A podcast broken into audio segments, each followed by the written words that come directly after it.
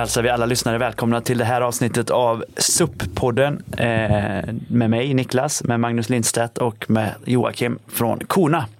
Välkomna hit igen grabbar. Tack, tack, tack. Eh, idag ska vi prata om något så intressant som personlig utveckling. Eh, mm. Och kanske personlig utveckling genom SUP eller eh. Där, där omkring liggande eh, saker som eh, utbildningsplattformar och, och, liknande kanske. Mm. Eh, Ja, jag vet att vi i något tidigare eh, avsnitt nämnde det här att för väldigt många människor så är nog SUP en produkt. Det är något du köper, en sak. Just eh, men att eh, det i själva utövandet av SUP och i företeelsen ligger så mycket fler och kanske större värden. Mm. Eh, det, som handlar just om personlig utveckling. Mm. Och eh, kanske inte bara utveckling att bli bättre på SUP utan att eh, utvecklas som människa och i eh, sin mm. självkännedom.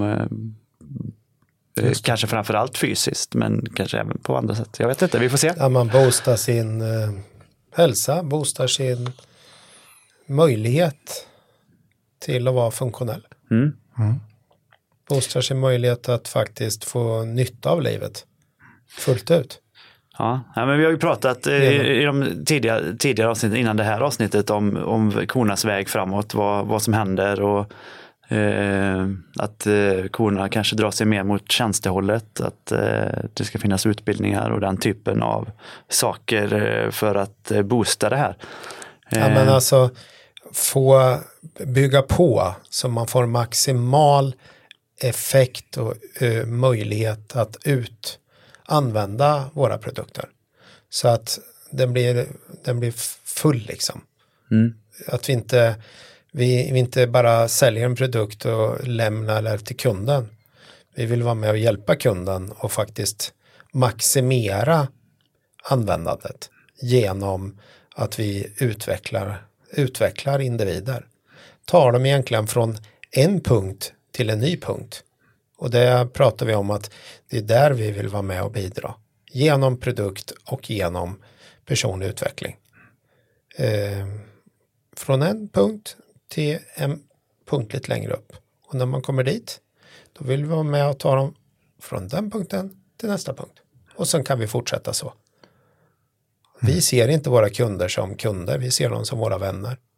Vi, kommer, vi umgås så länge med dem. Ja, framförallt så det är vi, vår familj. Vi vill göra det. Vi är vår familj. Ja. Men, eh, ni släpper alla, eller har redan släppt eh, flera tjänster då, eh, som är kopplade till att man ska lära sig SUP bättre, eller lära sig sin kropp helt enkelt bättre. Mm. är det jag tänker på när jag tänker på de sakerna. Att, mm. eh, visst, detta syftar till att eh, kunna göra aktiviteten SUP bättre och effektivare. Men det är ju egentligen lär jag ju känna min kropp på ett helt nytt sätt när jag gör det. Exakt. Och det är väl, jag gissar att det är, det är hur ni gör det. Ni, har, ni kör clinics och camps och utbildningsplattform och screeningar och den här typen av saker. Då. Mm. Eh, det är liksom hur ni gör det. Mm. Men det finns ett annat hur man gör det. Just det. eh, varför vi gör det. Ja, varför finns ju också. Men det, ja, finns det, var ju lite, ja. det var ju för att vi vill maximera möjligheten att använda de här eh, tjänster och produkter som vi faktiskt eh, försöker att leverera till en bättre hälsa. Eh, faktiskt. Vi vill vara med och säkerställa att det händer mm. helt enkelt. Här, här är en, en, en de frågorna som, som jag alltid ställer eh, i de här fallen, det är ju vad är en bra hälsa? Eh, den är ju svår att svara på. Ja, du kanske framförallt får olika svar från olika individer skulle jag gissa mm. på. Det är, inte, det är ju inte ett um, det finns inte ett, ett, ett, svar på det, om man säger så. En Nej. knopp och kropp. Mm. Just det. det är någon som säger knoppen och kroppen. Ja, precis. Ja, eh, ja det kan ju vara ett svar. Ja. Eller hur? Ja. Eh, ja, inte för mig dock. Eh, och det bygger ju på mycket det, det, det som jag jobbat med. Och jag menar, här, här ser vi att allt det här eh, handlar mångt och mycket om fysiologin helt enkelt. Det, är den kropps, liksom somatiska responsen som man säger som blir en känsla. Det är när, när vi blir medvetna om den här somatiska responsen, alltså vad som händer i kroppen, det är då det blir en känsla. Mm. Eh, och det är den vi försöker förhålla oss till i många fall. Då. Eh, för min del så är alltså den, allting jag har gjort, alla aktiviteter handlar ju om personlig utveckling. Alltså att min förståelse för någonting ska, eh, ska öka. Det gör att det är mycket lättare, när jag börjar förstå hur det hänger samman så är det också lättare att ta beslut. Och vad, vad vill jag prioritera? Eh, och så vidare. Eh, och det, det blev ju genom SUP till exempel, jag har hållit på med många andra aktiviteter också innan dess, som har varit väldigt utmanande. Men SUP har varit utmanande på det sättet att, att vi måste förhålla oss till så många olika miljöer. Mm. Um, det är ju allt ifrån som sagt mest lugna stilla vattnet till um, ja, det värsta vi kan tänka egentligen när det gäller vattenväg. Uh, och hur vi själva upplever det här. Uh, och om vi vill bli bättre på att uppleva det här, alltså att vi blir lugnare och tryggare oavsett förhållanden. Vad är det som, som gör att vi kan göra det? Eh, och till exempel att vad är det som gör att vi faktiskt kan paddla fortare? Det, det, det är så lätt att man bara tar första eh, liksom tanke att ja, men jag bör ta i mer. Ja, då kommer jag paddla fortare. Ja, du kommer kanske paddla fortare, men paddlar du fortare i fel riktning så kommer det inte att hjälpa dig och så vidare. Det där gör vi mm. ju tester på för att det finns de som har jättehöga medelvärden. Men det visar sig att de är ju långsammare än de som paddlar rakt. De har en lägre medelhastighet om man säger mm. per tag. Det är ju, eller bara den här grejen att eh, vi går ut och tränar likadant varje dag istället för att gå ut och köra runt bojar. 20 minuter, utmanare, vända, går in, du har fått varenda muskel i rörelse. Du är trött i hela kroppen, du går och lägger dig i sängen så sover du direkt. Det är faktiskt självupplevt. När jag träffade Magnus, då kunde jag nog gå ut och köra långdistans och säga jag ändrar mitt, min träning fullständigt. Både i, i liksom längdåkning och i SUP och i vad jag gör. Det är inte mycket av mer. Det är inte längre hela tiden. Det, SUP är verkligen så funktionellt så det finns väldigt mycket utvecklingsmöjlighet både i knopp och kropp. Om vi återknyter till det va. Mm. Så jag, jag, gillar den här, jag gillar fortfarande det där eh, om man tänker så här med kroppen att om vi nu kan vara unilateral att vi då håller upp ryggen så vi blir lite längre, alltså vi blir starkare musklerna. Vad händer då då? Jo, om du tänker dig teoretiskt, om du får mindre motstånd emellan diskarna så kommer du bli smidigare. Shit, okej, okay. jag tränas upp och blir smidigare i ryggen. Det är ju faktiskt en bra uppsida. Och det, ja. Där får man tänka till lite grann. Alltså vad, vad det handlar om, det som kan vad som, som tar oss ifrån ett funktionellt rörelsemönster är ju våra skyddsreflexer. Eh, det gör att om vi upplever oro så får vi spänningar i kroppen som ett försvar. Mm. Eh, och Det gör ju till exempel att om vi känner oss otrygga på brädan, då kommer vi också kanske skapa spänningar till början. Tills vi börjar eh, Alltså det går, går en tid tills vi börjar och, känna oss tryggare och tryggare. Vi upptäcker att även om vi faller i så är inte det hela världen. Men det där kan ju återknyta till när man lär sig åka skidor. Så har man skidlärarna, de lär alltid så här. De säger alltid, vi kan bara lära oss en sak i taget. Mm. Det går inte att lära sig två. När man ska ut på SUP-brädan ska man lära sig hundra saker samtidigt. Det går ju inte. Det är ju därför liksom, det är ingen, det är ingen bara nyck Indoorsuppen är en del av den utvecklingen som gör att man faktiskt kan bli smidigare i kroppen och bryta ner alla de här grejerna på ett fast underlag. Och sen när man kommer ut så bör man ju inte fundera på det. Eh, då sitter ju det. Samtidigt då är det ju helt plötsligt kroppens alla hjärn, hjärnkapacitet kapacitet går ju åt för att hålla balansen. Och då helt plötsligt när man har brutit ner paddeltaget och utvecklat det, då kan du helt plötsligt paddla på en smalare bräda. Vilket gör att du också kan paddla rakt snabbare. Så att, att vilja för mycket direkt, det, det, det kommer inte gå bra. Här behöver vi bryta ner och hjälpa till och utveckla de här bitarna. Det har med kroppen att göra, det har med tekniken att göra, det har med hur man gör det. Jag tänkte ju mycket så i, början att eh, ja, men, nu hade jag i och för sig en lite bredare bräda precis i början när jag började paddla. Eh, En vecka eller? en vecka eller så. sen, sen blev den smalare. Eh, För jag tänkte ju så att ja, men jag börjar paddla på den här. Det kanske är svårt i början men jag lär, jag lär mig. Jag, blir väl, bä- jag tar en svårare bräda då kommer jag bli bättre. För att jag lär mig på den. Men så kanske inte är fallet. Jag kanske istället utvecklar Ja, men- eh, eh, mönster och beteenden Ja, men- som jag inte har svårt att komma ur sen då. Om, Det är så, det är så som är tanken. Ja, men man tänker sig så här att bara under det senaste året nu så har vi hittat metoder som gör att vi faktiskt kan nå längre snabbare. Men det innebär ju också att man måste lära sig grunden rätt. 95 procent av alla som paddlar där ute, de kommer ju tvista ryggen. Alltså de paddlar i en rörelse som gör att man sätter ner paddeln där framme, sen drar man paddeln lite runt och sen drar man paddeln för långt bak. Det är inte supernyttigt för de som har ont i ryggen. Därför måste man lära sig i grund och botten att man paddlar, vad säger man Magnus? Eh, man använder vikten framåt fotstyrning eller eh, man vill ju driva, driva brädan med gravitationen och kroppsvikten Ja, helt enkelt. Och, och här har vi, jag vill påstå att vi 95 procent har ju väldigt mycket att lära sig av eh, framförallt indoors upp. Vilket gör att det blir roligare, vilket gör att man kommer längre, vilket gör att man får eh, mindre, man får mindre stressade diskar.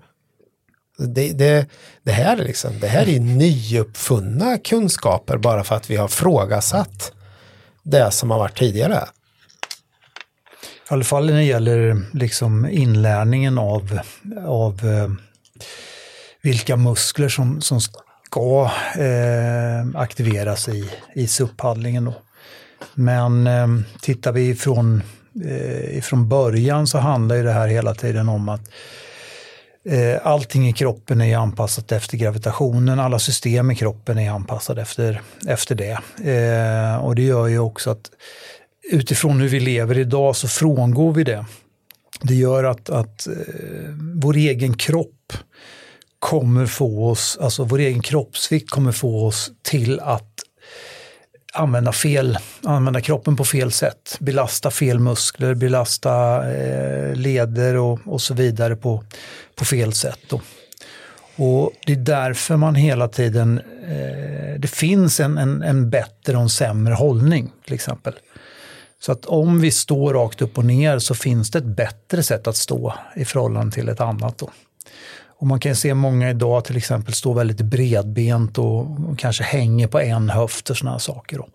Och det beror på att, att vi har kopplat ifrån så många muskler på grund av eh, det sättet vi lever. Att vissa muskler får ta all, all belastning. Och det gör att då måste vi hela tiden vila de här musklerna. Om alla muskler som egentligen borde vara delaktiga i det här fick vara med, ja då behövde vi inte hänga på en höft och belasta rygg och höfter på fel sätt. Då. Och det är ju själva grunden till att kunna göra rörelseanalyser. Eh, vi måste ju veta vad, vad rörelsen utgår ifrån. Och när vi kan se eh, det, då kan vi också få förståelse hur den här hållningen ska vara och hur då rörelsen kommer att bli utifrån naturlagar och, och sådana saker. Och det gör det lättare att också veta vikten av att faktiskt träna alla de här delarna. Att till och med återfå många av de här funktionerna i kroppen. Återaktivera muskler. Så att vi därigenom blir mer funktionella. Vi kommer därigenom eh, en bra hållning innebär ju att vi, vi aktiverar muskler som dessutom gör att vi sträcker ut kroppen. Att vi faktiskt skapar distans mellan diskar och eh, ledkapslar och sådana här saker. Eh, ja, så när ni tänker personlig utveckling genom SUP, då är det kanske främst hälsoaspekten av personlig utveckling eh, och, eh, i, och även eh, där i då fysiologin. Ja, men exakt. Och det, ja. och det är ju alltså, som jag också säger, funktionalitet handlar ju om att använda kroppen på det sättet som den är skapad att användas. Det gör ju att, att om vi då kan styra hur vi utför någonting utifrån hur kroppen fungerar, då blir det mycket bättre än till, till att vi ska anpassa kroppen till specifik utrustning eller till en specifik rörelse. Då. Kommer vi till elitidrott så kanske vi ändå måste göra det.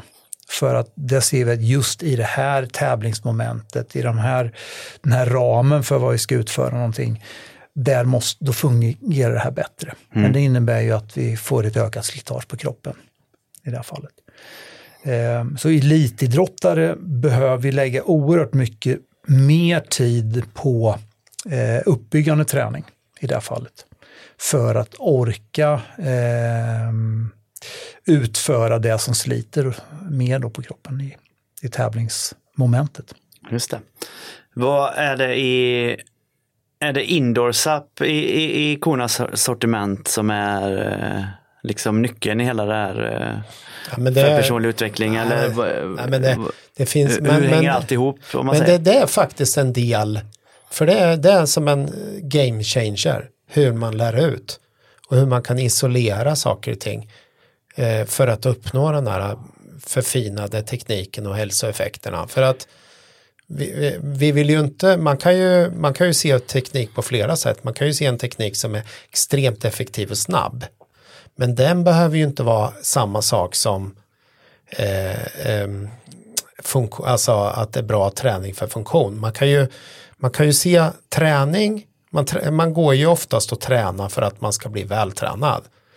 Det är nog så att 90% som tränar. Se vältränad ut eller bli ja, vältränad. Men alltså in, inifrån och ut. Mm. Mm. Sen kan du ha de som vill bli snabbare. Men det, i det här fallet så sitter det faktiskt ihop för att om du bygger en funktionell kropp och du kan öka effekt och frekvens här, då kommer det ju också bli snabbare. Eh, som vi sa att människor har en hög medelhastighet men de paddlar ju så stor omväg. Mm. Så de paddlar ju liksom flera intressant. hundra meter längre. Men det beror ju på att de har inte gjort hem, eller man har inte gjort den här eh, smidighets, alltså att man inte liksider höger-vänster eller man har lite fel teknik. Man har inte... Är det bara inte, en teknisk fråga att man inte paddlar rakt eller kan de med bräda och sånt att göra ja, men Det handlar ju om ja, ut. Ja, ja det, det, kan det göra. Men främst handlar det om, om hur vi jobbar med kroppen för det. Men beroende på kroppskonstitution och sådana här saker så kan vissa svårare för än andra. Eh, och dessutom med asymmetrier i kroppen. Om vi är oliksidiga så kommer vi också få svårare. Och det märker nog de flesta att det är lättare att paddla rakt på en sida än på den andra sidan. Mm. Och då måste vi också förstå varför är det så för? Varför har jag de här asymmetrierna? Och vad kan jag göra för att åtgärda dem? Är det rent traumatiska saker, att vi har ett ben som är kortare än det andra och så vidare, så alltså själva benet i sig då, alltså skelettbenet i, i det fallet, inte hela benet. Vet du vad man gör då? Då kapar man det andra. Just det. Då blir man ju lika lång. Ja, men exakt. Ja, det vore ett sätt. Ja. ja men det är ju det är väldigt fascinerande det här med, det är ju kanske för gemene man kanske inte spelar stor roll om, eh, om man suppar lite längre än vad man hade gjort om man suppade helt rakt. Men det är ändå... Inte för träning. Ändå, nej. nej.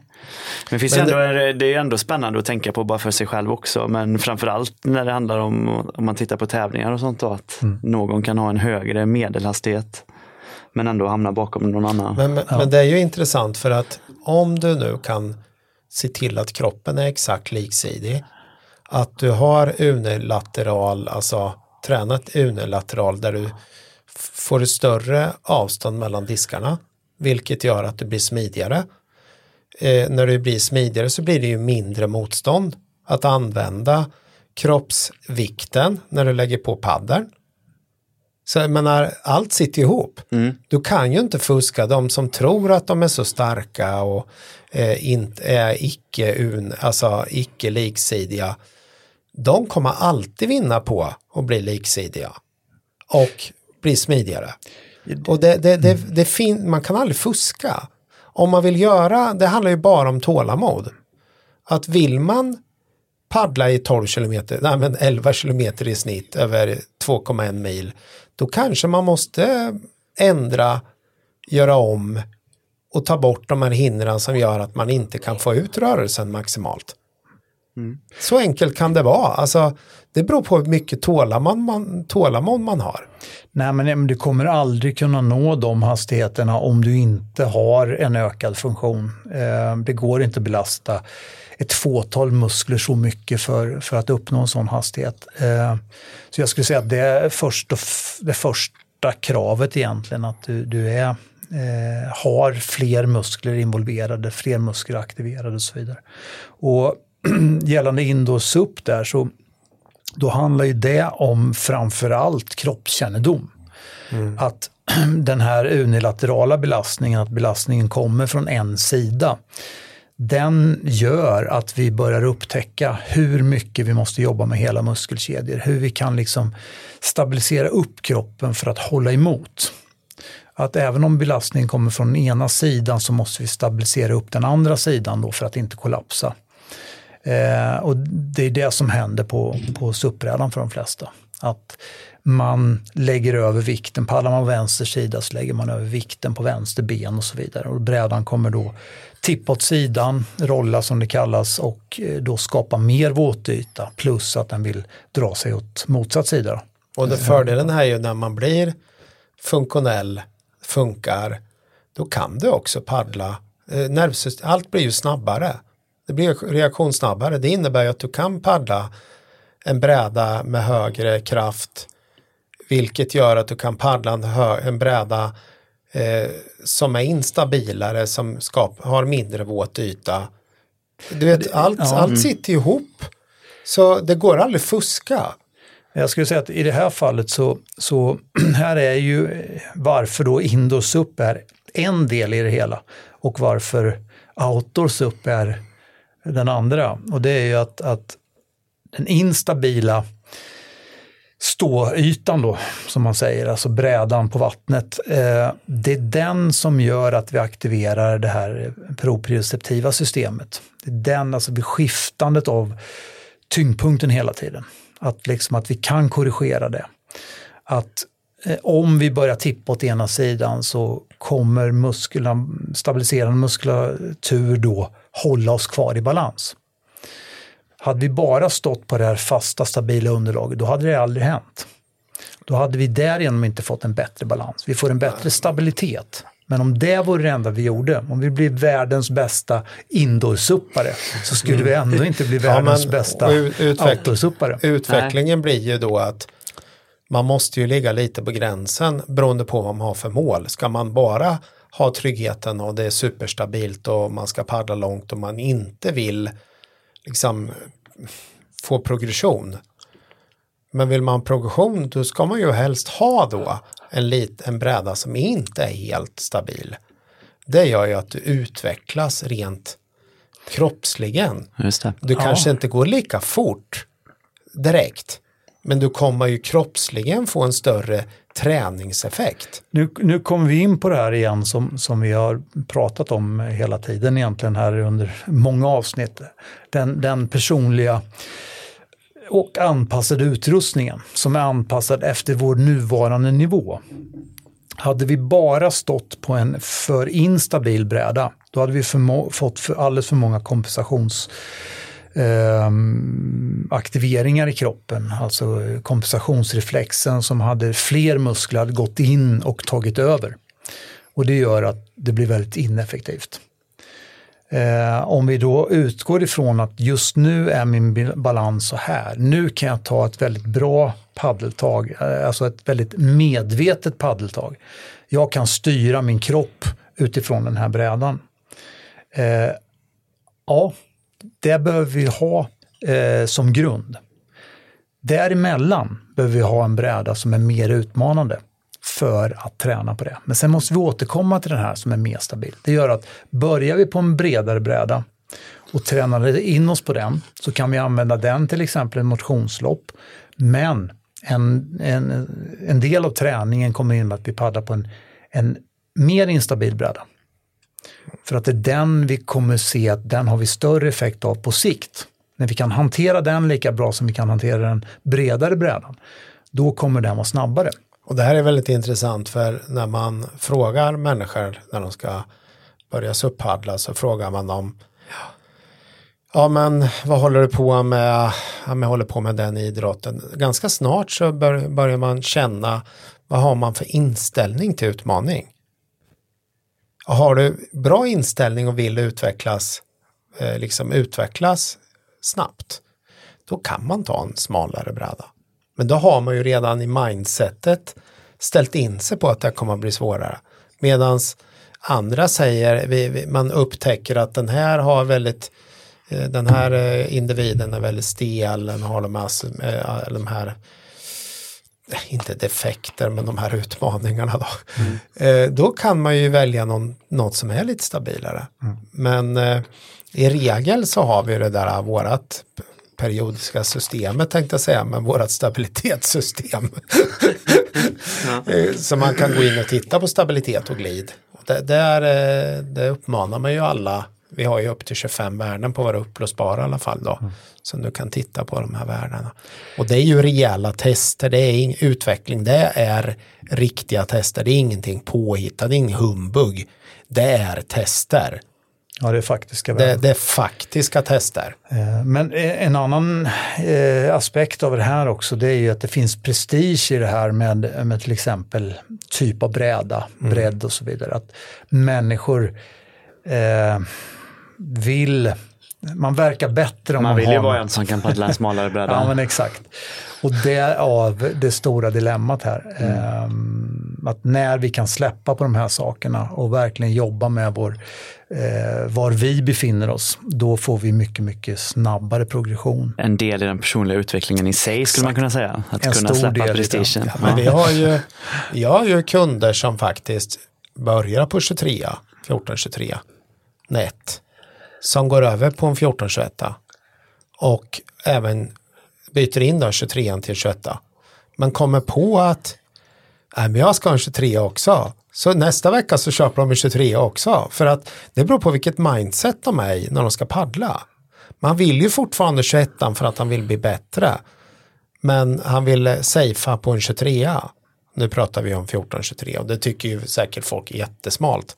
Men då ska man ju säga till, eh, till lyssnarna här att när man jobbar med hårda brädor så kan de vara smalare för att man står djupare i dem om man har vassare kanter. Eh, vi ser ju nu, ut, om jag tar utveckling, personlig utveckling, vi har ju ganska klart för oss var människor nu, beroende på mindset och nivå, var var de ska inriktas av, på vilken typ av produkt. Det är ju det som är vår, det är vår kunskap. Mm. Det är därför man, eh, man behöver ändå liksom läsa på lite och jag känner igen det där. Jag, jag kör ju på den gamla Ocean-modellen. Mm. Jag, hade, jag tror att den heter 1424 då, den som är mm. motsvarighet till Numinus som jag tror du pratade om, 23. Ja, du, hade, du har väl en 22 nu va? Jag har det nu, men jag ja. började på en 24. Ja, som jag tyckte mm. var helt vansinnigt instabil. Mm. det, var, det var helt sjukt att ha en sån egentligen, tyckte jag. Men eh, det tog ju inte många dagar innan man ändå Nej. stod ganska bra på den. Och sen uh, bytte vi den till en 22. Det var, jag hade nog den mer än ett par veckor, det tror jag. Men uh, vi bytte den i alla fall till en 22 sen då. Mm. Och det är ju det jag paddlar på och den tycker jag är ganska stabil idag. Men min svärfar har ju en 24 och det är något av det bästa jag vet är att komma hem till han och låna den. För det är, jag, jag har aldrig känt mig så trygg på vattnet som på den brädan nu då. Mm. Jag förstår tankesättet där. Man har haft en bredare byte till en smalare, att man vill ha den breda också. Mm. För det är väldigt, väldigt eh, angenämt att paddla på faktiskt. Men nu har vi faktiskt gjort eh, den nya 22an ännu bättre med Choppy sjö då. lite mer vågor, bättre i downwind. Och även gjort Nomenos. Jag skulle nog kunna säga att Nomenos 1421 är din eventuell din nästa bräda, inte 1422. För Nomenos 1421 är nya modell 2. Mm. Den är nämligen platt. Och den har bättre förmåga i Choppesjö. Så jag tror faktiskt att det är däråt du ska gå. Om jag tänker på att du Den är väljer... lite mer allround. Ja, den är väldigt allround faktiskt. Ja, Eh, det får vi och se vart jag hamnar i framtiden. Jag är ganska nöjd med det jag har nu också En faktiskt. Hollo, en Hollo 1421. Ja, Nomenos, svart karbon. det hade varit något där. Just det. Där har du. Det hade varit snygg på mitt takräcke. 10, 9 kilo, 10 kilo. Ja. Nej, men jag menar, Med tanke, men, men på tal om prestige, vad man Just borde det. falla. Ja, men exakt. Nej, men, men det, det, är, det är så många fler eh, parametrar som är kopplat till det här med personlig utveckling och vad våra utmaningar är, eh, oavsett liksom i vilken miljö. Då. Och det är det som, som just suppen är så bra, för den, den, eh, den provocerar oss på så många plan. Och det gör att, att vi förstår också vad vi måste jobba mer med. Eh, till exempel att hur vår hållning på brädan exempelvis. Att om vi tittar på hållningen på land och sen så ska vi försöka utgå ifrån att skapa en rörelse på, på brädan då. Att den måste också starta ifrån en typ av hållning. Och det är också det här vi kan lära via Indoors upp. Att hur stabiliseras när vi står på fast mark och inomhus? Eh, att det kommer också vara det sättet vi jobbar på, på vattnet. Fast här måste vi också kunna vara lite mer flexibla med i höfter och så vidare för att kunna kompensera för balansen. Och ändå ha en, eh, vara så stabil som möjligt när, när det blåser och går vågor. Mm. Ja men det är intressant det där med bräda, utrustning, utveckling, hur man kan eh, utveckla sig genom att bara jag hörde första gången jag träffade eh, Magnus, eller inte första gången, i början där, han var ute och körde med resistansträning. Då slängde han på, eh, tog han sin jacka och drog runt runt fenan där bak som var ute och paddla. Och det är ju skitjobbigt att paddla va. Ja. Men det var ju styrketräning, ren styrketräning va. Och eh, folk väljer stora paddlar, små paddlar. Det beror, allt handlar ju om vad man vill få ut. Eff- Effekt, eller frekvens mot yta och vad man kan driva. Och det avgörs ju också av tekniken. För du, om du använder kroppsvikten då kan du driva eh, då kan du driva liksom högre kraft. Men det är, med den saken så kanske du inte kan driva liksom frekvensen. Men, men allt sitter ihop. Det är, te- det är liksom teori alltihopa vad man vill få ut. Det finns personlig utveckling i allt man kan göra. Vad krävs egentligen för att få ett bestående resultat eh, om man gör någonting för, för sin personliga utveckling? Eh, jag gissar att ja, man behöver ändra ett, om det är rent fysiologiskt, kanske ett rörelsemönster, men eh, ett beteende som du behöver förändra. Men jag tror att eh, det är inte alltid så lätt. att- Man kan förstå att man behöver göra det och man kan testa det, men eh, att man kanske väldigt lätt faller tillbaka i gamla mönster och sånt. Vad, vad krävs egentligen för att för att få till en, en, en, en utveckling som består. Jo, men, men först och främst så tror jag att det handlar om att, att vi måste acceptera eh, var vi befinner oss just nu. Att vi kan, inte, vi kan inte bygga på gamla meriter. Vi måste titta på hur fungerar vår kropp just nu? Hur har vi tränat? Hur har vi rört oss den sen, de senaste åren? Eh, där måste man vara för att också se progressionen. Om du jämför med vad du presterade tio år tillbaks, ja, då kommer du inte se någon progression överhuvudtaget förmodligen. Och det ju, kan ju vara väldigt eh, deprimerande. Så att bara vi kan acceptera var vi är just nu så kommer vi också ganska snart se progressionen. Och det är ju också det som bygger, eh, som motiverar att fortsätta. Att vi ser det att ja, den här att hantera en viss belastning kommer ge, ge en viss effekt. Ehm, och jag menar det som vi upplever jobbigt från början kommer vi inte uppleva så jobbigt efter vi har genomfört det några gånger. Så det är ju det enda egentligen som leder till att, att eh, vi kommer förändra eh, vår nuvarande kapacitet. Att det krävs att, att faktiskt försätta oss i obehagliga eh, situationer. Mm. Trötthet är obehag faktiskt. Det är ingenting som är självvalt. Ja, utan, eh, och det har ju med allt det här att göra igen. Eh, alltså trötthet är ju att om vi är trötta så är det ett hot emot vår överlevnad. För är vi trötta så har vi kanske mindre energi och kraft att orka fly eller slåss för våra liv om vi skulle behöva det. Så att den förståelsen tror jag måste finnas med. Att allting som är utmanande, allting som vi från början tycker är obehagligt, det är också det som, när vi lär oss hantera det, som kommer ge den största utvecklingen. Det är det som kommer ta oss vidare till nästa nivå.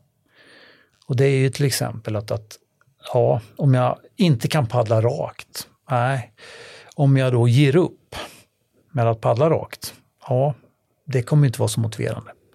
Vad kan jag göra då för att paddla rakt? Att verkligen förstå och jobba med de små bitarna. Det kanske handlar då om att ställa sig på eh, eller med indoors upp och börja jobba utifrån att ah, jag har inte samma rörelsemönster på höger sida som vänster sida just i det här. Eh, om jag jobbar med bröstpaddling eller om jag jobbar med, med eh, höftpaddling till exempel. Då. Att verkligen se att det är liksidigt och att förstå det som sker på land och kunna översätta det till vattnet exempelvis. Det, de två sakerna tillsammans kommer att göra att helt plötsligt så när jag är ute och går så kommer jag känna att jag går mycket bättre. Mer avlastande att gå, jag går mer liksidigt, jag pendlar med armen lika mycket på höger som på vänster sida. Stegen är lika långa eh, och så vidare och så vidare. Helt plötsligt så kommer jag att i jag ska lyfta någonting exempelvis, också jobba med rätt muskler. Jag kommer stabilisera kroppen, jag kommer lyfta mer eh, korrekt, mindre risk att skada med olika sammanhang. Just det. Så där är ju lite av hur det här hänger samman. Mm. Var, eh, var tror du liksom att den eh, stora var finns marknaden om man säger? Var finns det stora behovet? Är det folk som vill eh, bli bättre SUP-paddlare eller är det folk som vill förbättra sin hälsa? Eller är det någonstans mitt emellan där? Jag skulle ju definitivt säga att, att, att för egen del som ändå har jobbat med, med relativt många olika aktiviteter eh, och där det inte har handlat, alltså att för mig handlar det ju mer om att upptäcka saker oavsett om det är en, en, om jag skulle värdera den negativ eller positiv, den här effekten som jag fått av det, ja. så är det en ny erfarenhet och det gör den intressant. Mm. Jag kan ju förvänta att det här ska leda till en, till en, liksom en, en, effektförbättring eller vad det nu kan vara. Sen upptäcker jag att nej, det gjorde faktiskt inte. Det är ju fruktansvärt intressant. Mm. För då måste jag börja tänka om att, att liksom, aha, varför gav det inte den utdelning som jag trodde? Ja, men lite som det är, eh, som jag tror Joakim har nämnt i något tidigare avsnitt, att, när bräd, att en bräda som glider väldigt bra, mm. den glider väldigt bra bakåt också. den och kan det kan göra. man upptäcka att, eh, ja, mm. att då kanske med att paddla en sån bräda med samma teknik som man alltid haft kanske inte gör att det går fortare Nej. eller blir lättare. Och det, och det, är ju... det är den typen av upptäckter. Exakt. Kanske, ja. Till exempel så. Men, men i många andra sammanhang också även hur vi kan då, och jag tror att det är rätt viktigt att vi börjar liksom inte titta bara eh, grenspecifikt eller aktivitetsspecifikt. Att vi tittar liksom på att ja, men nu jag, har jag blivit bättre i SUP. Utan hur det faktiskt färgar av sig på andra aktiviteter. Eh, hur det hänger ihop med till exempel mycket som jag upptäckte i, i med klättringen. Eh, när jag började med SUP upptäckte vad som hände med min klättring bara för att jag hade börjat paddla SUP. Mm. Eh, samma sak med, med vi såg skidåkare som började paddla SUP.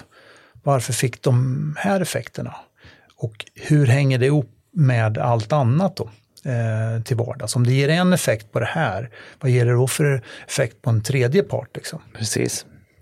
Eh, och när vi ser de sambanden så blir det ju oerhört mycket mer intressant. För det gör ju också att vi kan nyttja allt det här oavsett vad vi tar upp för aktivitet så har vi liksom en fördel redan från början. Ja, jag tror att det är många, är, det kanske är många som dras till SUP inte för att det är en idrottssak utan för att det verkar vara en härlig sak att göra. Mm. Tror att man ser, att många som ser effekter i sitt vardagsliv kanske, mer än, mm. snarare än att se det i en annan aktivitet som klättring eller skidåkning. Man ser en eh, rent eh, allmän förbättring i sitt vardagsliv. Ja, fast... Och det hade man ju kanske mm. gjort oavsett vilken aktivitet man börjar med såklart. Mm. Men eh, det är också en slags personlig utveckling i alla fall. Ja, eh, och, och, det här är ju det här som gör det svårt. Eh, om man tänker sig i sin vardag, vad ska man jämföra med? Vad är det man refererar till? Eh, det är, väldigt, det är väldigt svårt att kunna se en progression. Men det finns ju, i alla fall om man, om man är sjuk eller lider av eh, mm. något annat eller om man är gammal kanske man kanske märker att det är mycket lättare att gå i trappor nu eller jag blir inte lika Exakt. trött när jag går till affären eller Den är mer konkret. Jag får men... mer syre, så här, mm. den typen av saker kanske. Absolut, så att har man redan från, från början ett, liksom ett, ett ganska lågt allmän tillstånd, ja men då kommer man nog ganska, eh, märka effekterna ganska snart. Men känner redan från början ganska okej. Okay. Mm det är inga fel, jag är inte sjuk, jag har inga skador och så vidare.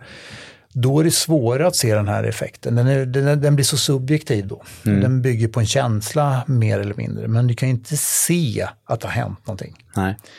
Eh, och jag menar känslan i sig kan ju vara en, en nog så mycket. Ja. Men tittar man på personlig utveckling eh, och speciellt då vad som gör att man fortsätter med de här, eh, liksom skapar en vana, skapar ett nytt beteende, är ju att du faktiskt får en mätbar progression. Just det. Och det är lite det som vi, till exempel när det handlar om, om elitpaddling i, i SUP, då, eller i andra aktiviteter också för den delen. Men, men just i SUP. Eh, tittar man på liksom olika labbtest, alltså fystester, eh, fälttester och så vidare, där vi hela tiden från år till år försöker att eh, i olika eh, intensitetszoner, alltså pulsbaserade intensitetszoner, så vill vi titta på. Den, den, ja, en av de lägsta eh, egentligen träningszoner som vi kallar för zon 1. Mm. Och där ligger man kanske mellan 55 och 72 procent av, av maxpuls. Då. Eh, från, år, från ett år till ett annat så vill vi ju också titta på, okej okay, om jag paddlar en timme i zon 1, vad ligger jag på för medelhastighet och frekvens till exempel. Till nästa år så vill vi öka den medelhastigheten men fortfarande ligga i samma pulszon. Mm. Och kanske då minska eh, frekvensen. Så det blir det naturliga då. Och det är samma sak till exempel i de aktiviteterna gör att vi behöver ha typer av återkommande test. För bland annat därför vi tog fram den här screeningen då för att kunna eh, ge gemene man en uppfattning om sin nuvarande kapacitet och ha någonting konkret att utgå ifrån. Så att träning... En baseline liksom. Ja, mm. exakt. Att, att alla träningsprogram, alla träningsmoment. Bike, bike faktiskt, fast, det är som en bikefit fast man går igenom teknik och kropp och förutsättningar också. Plus bräda så man, man tittar på sammantaget. Mm. Och det tar en förmiddag och ur det så kan man ju bygga träningsprogram och hjälp liksom för att eh, för vi ser ju också på konditionstester att du kan ju ha extremt bra kondition men det visar sig att man inte får ut det. Du får liksom inte verks, verkningsgrad. Det är därför subscreeningar blivit viktigare för oss. För till 95 procent av de som kommer till oss är subscreening viktigare än konditions, alltså ett, ett maxpulstest mm. på en SUP. För att det är så många grejer som eh, gör att du inte får ut den här maxkapaciteten. Den försvinner, du får för dålig verkningsgrad. Mm. Så subscreeningen blir ju som en, eh, att vi ökar verkningsgraden på ett smartare sätt än tidigare. Det är vad en subscreening är. Och det gör ju också att tittar man på, på de här sakerna med återkommande tester i, i, i det här fallet så ser man ju också vad man behöver korrigera när det gäller träningen. Det kan göra att en viss, under en period så lägger man x eller ett visst antal eller fokus på en viss typ av paddling eller träning. Och det gör ju att då börjar kroppen anpassa sig där. Det innebär att då kommer du kanske tappa på andra ställen. Mm. Det innebär att man hela tiden skannar av vad du behöver komma ifatt med. Och det är ju också det hela roliga. Och det sammantaget leder ju till en, en, eh, vad ska man säga, en hälsoförbättring. För att det leder till en, en funktionsförbättring. Då. Vi, gjorde ju, vi, har gjort, vi har gjort en sån i november. Vi jobbar ju två dagar. Och där, det är ju som ett träningsläger. Men där lägger vi in inte bara SUP vi lägger in föreläsning, vi lägger in faktiskt yoga, yin-yoga. Vi lägger in eh, indoorsup, teknik, eh, kost.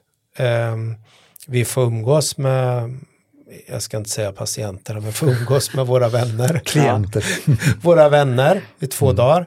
Och många har ju sagt att ja, ni, jag ni får kalla mig patient om ni vill. Jag, jag har förändrat sättet. Jag har börjat förstå vad jag har gjort förut när jag ska bli mer vältränad. Jag har fått en mer eh, bättre självbild hur jag ska hantera liksom eh, mina, att jag är så stel till exempel. För när vi börjar att köra yoga då blir det ju ganska påtagligt.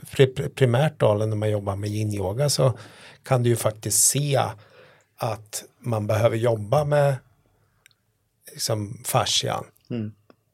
Jag har ju flera vänner där ute som har det som specialuppdrag. Att yin-yoga, tänk på bäckenet, höfterna. För att de kommer inte kunna få ut den där kraften om de inte blir smidigare längst ner i ryggen. De måste kunna böja sig i höfterna för att kunna använda övre kroppens tyngd på ett bättre sätt. Och det handlar ju om lika mycket om, om som sagt den anspänning vi har i kroppen och varför vi har den anspänningen. Och det, det kan ju de flesta göra. Eh, man kan ju prova att ställa sig upp och spänna skinkorna och försöka böja sig framåt. Vad händer då? Och det är ungefär samma effekt som när vi har ett låst bäcken, alltså att när vi skapar en, en överspänning i, i, i bäckenet. Då det hämmar ju liksom hela rörelsemönstret. Det är samma sak om vi knyter händerna så kommer vi kontrahera musklerna, hela muskelkedjor och, och liksom eh, krampa ihop oss nämligen, eller nästan då. Man, eh, om man gör en sån SUP-screening, får man såna, den typen av tips eh, då mm. till exempel? Du har det här problemet, eh, yin-yoga skulle hjälpa dig? Eller? Få rapport mm. och diskutera ju fram och man får data. Och det, det, här är ju oftast, vill man ha en utveckling så är det ju superbra att börja där. Mm. Faktiskt. Och sen så ska man ju kontinuerligt försöka kolla vad har hänt. Nästa gång kanske det är, eh, då gör man kanske mer kontrollerade tester och utvecklar det. Man kan alltid ta sig från en punkt till en annan. Så en, en screening är ju egentligen direkt efter man har lärt sig att hålla balansen på brädan indirekt Magnus så skulle det ju gå att göra det direkt. Men eh, där är vi inte riktigt än. Nej, det, det, krävs en viss vana. Jag skulle säga att man behöver eh, en tid på sig eh, att bli liksom med marin anpassning som vi brukar kalla det. Mm. Eh, att du har en viss vattenvana på brädan. Mm. För att du ska ändå ha ett, ett ganska naturligt rörelsemönster. Det vi kan se till exempel, en annan sak i det här, det är ju, eh, om vi pratar personlig utveckling, det är just den här kroppskännedomen och till exempel att kunna sitta eller stå på land eh, och, och känna anspänning. Att andas på ett visst sätt eh, för att få avslappning. Att också kunna göra samma sak på brädan. Så att när vi går ifrån land över på brädan, att faktiskt kunna andas på samma sätt. Mm. Så att vi kan eh, avreglera den här spänningen eh, i olika delar av kroppen genom andningen. Mm. Och det kan du också successivt väva in då för att slippa, om du tycker att det är obehagligt så kan du fokusera mer på andningen till exempel då, eh, och styra det till det så kommer du koppla ifrån eh, mycket anspänning och obehagskänslor i det. Då. Det är mycket intressant. Eh, jag tror du någon gång sa Joakim att eh, Korna är ett hälsobolag. Ett bolag för personlig utveckling. Nu, mm. nu blir det ett bolag för personlig utveckling istället. Nej, men man kan ju se varumärket eh, Kona som precis vilket annat varumärke som helst. Det man utmanas ju och så, så är man ju man löser ju så att säga uppgifterna.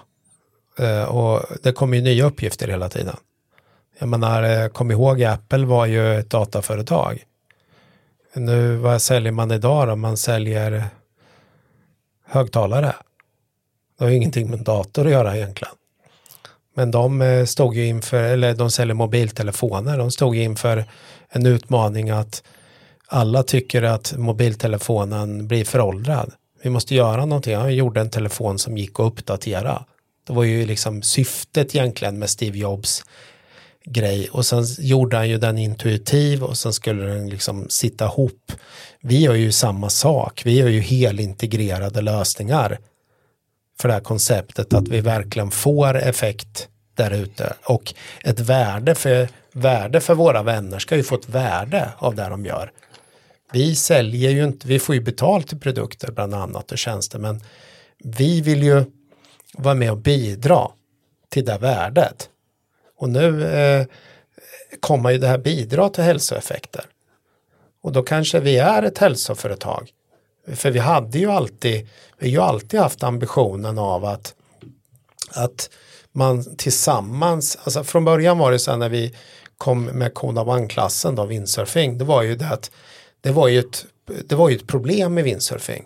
För att windsurfing hade så många olika brädor och brädtyper och man skulle ha så mycket riggar och alltihopa så då, då hittar ju vi ett koncept där man skulle kunna standardisera det så alla kunde ha samma bräda och man skulle kunna segla tillsammans. Och det var ju, orsaken var ju det att vi tyckte nog att människor satt för mycket framför sin padda.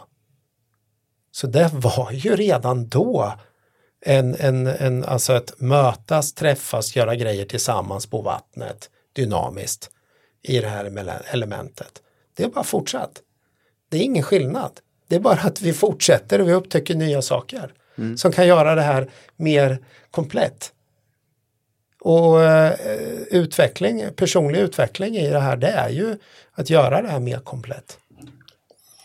Vad, ja. vad har det gett er för personlig utveckling att jobba fram de här lösningarna? Det, det, måste väl också vara en aspekt av det hela. Ni utvecklas ja, det, ju samtidigt. Ja men det är ju mänskligt. All, alla män, det mänskliga är ju utveckling. Mm. Så, så länge vi, och, men det problemet är ju att folk har ju inte fattat att tillväxt behöver inte vara utveckling. Folk lägger ut lika tecken mellan tillväxt och utveckling. Nej, tillväxt är mer pengar. Det är tillväxt va? Mm. Men utveckling kan ju vara någonting som gör att vi får mindre pengar. Och nu är vi inne i ett regimskifte där vi behöver använda varje produkt, varje sak, mer av flera längre. Och då måste vi ju, ur det så måste vi jobba med utvecklingen ur det för att inte ta ut mer av jordklotet. För vi har inte resurser till allt. Så jag menar, det här är ju, det handlar ju, det är bara det är bara personlig utveckling, det är ju hållbarhet. Mm. Mm. Det är ju en, det är en resa, vi är på, på, väg framåt hela tiden. Vilket gör nu att vi får in väldigt mycket människor som är intresserade av det här. Vilket gör att vi blir, får ett större nätverk. Och vi får ett större nätverk och spektra av att lära oss ännu mer.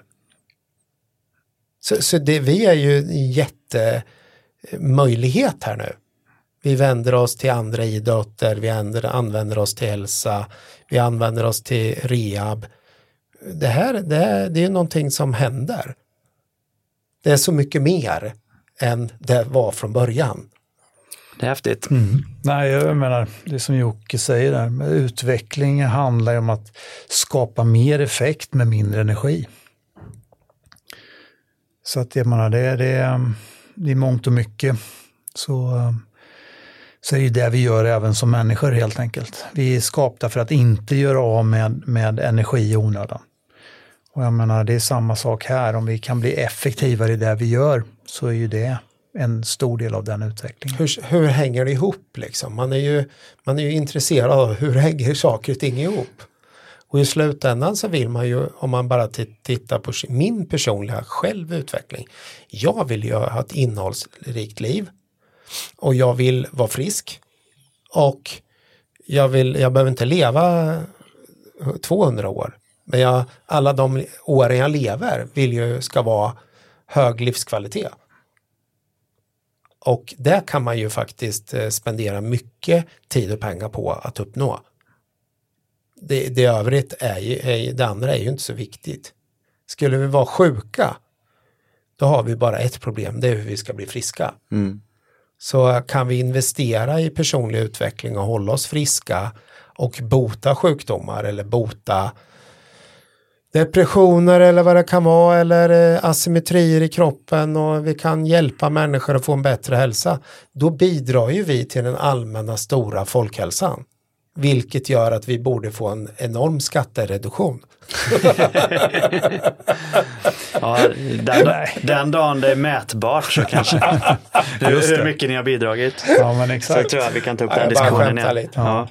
Men eh, för att hänga på där, alltså för min del så handlar det där om, om eh, alltså att faktiskt titta på nya sätt att nå en eh, nå någon form av utveckling. Alltså nå någon form av eh, effekt. Eh, och jag menar, det är det som är intressant, att vi kan titta bortom så många faktorer som liksom bara rent fysiologiska, eller ja, eh, det är alltid fysiologiskt i det här fallet, men användandet av olika, eh, vad ska man säga, sinnestillstånd.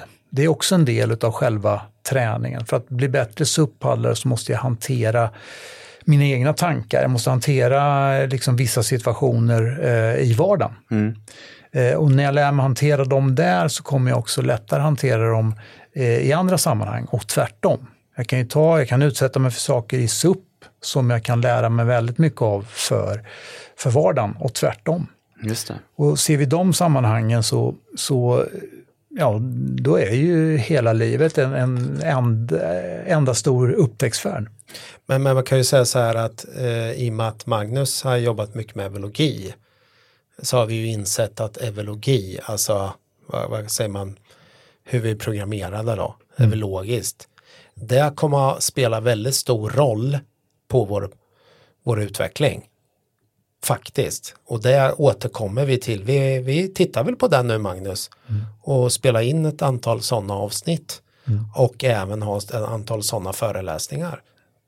På våran utbildningsplattform. Just det. Vill, vill man eh, eh, alltså förstå mer kring det här och vad det är som påverkar oss och hur vi eh, hur vi faktiskt kan se de här sakerna. Eh, att lära att förstå oss själva bättre eh, och därigenom andra bättre. Då kommer vi också mycket, mycket lättare att hjälpa varann i vår utveckling. För i och med att vi, vi styrs till så stor grad av våra reflexer så är vi inte medvetna om vårt beteende.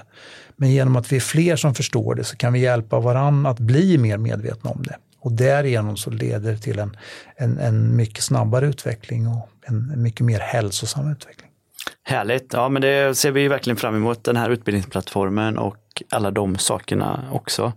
Eh, eh, om det är något mer ni vill tillägga kring det här eh, som vi har pratat om nu med personlig utveckling så får ni gärna göra det. Annars så tycker jag att vi eh, stänger boken för det här avsnittet.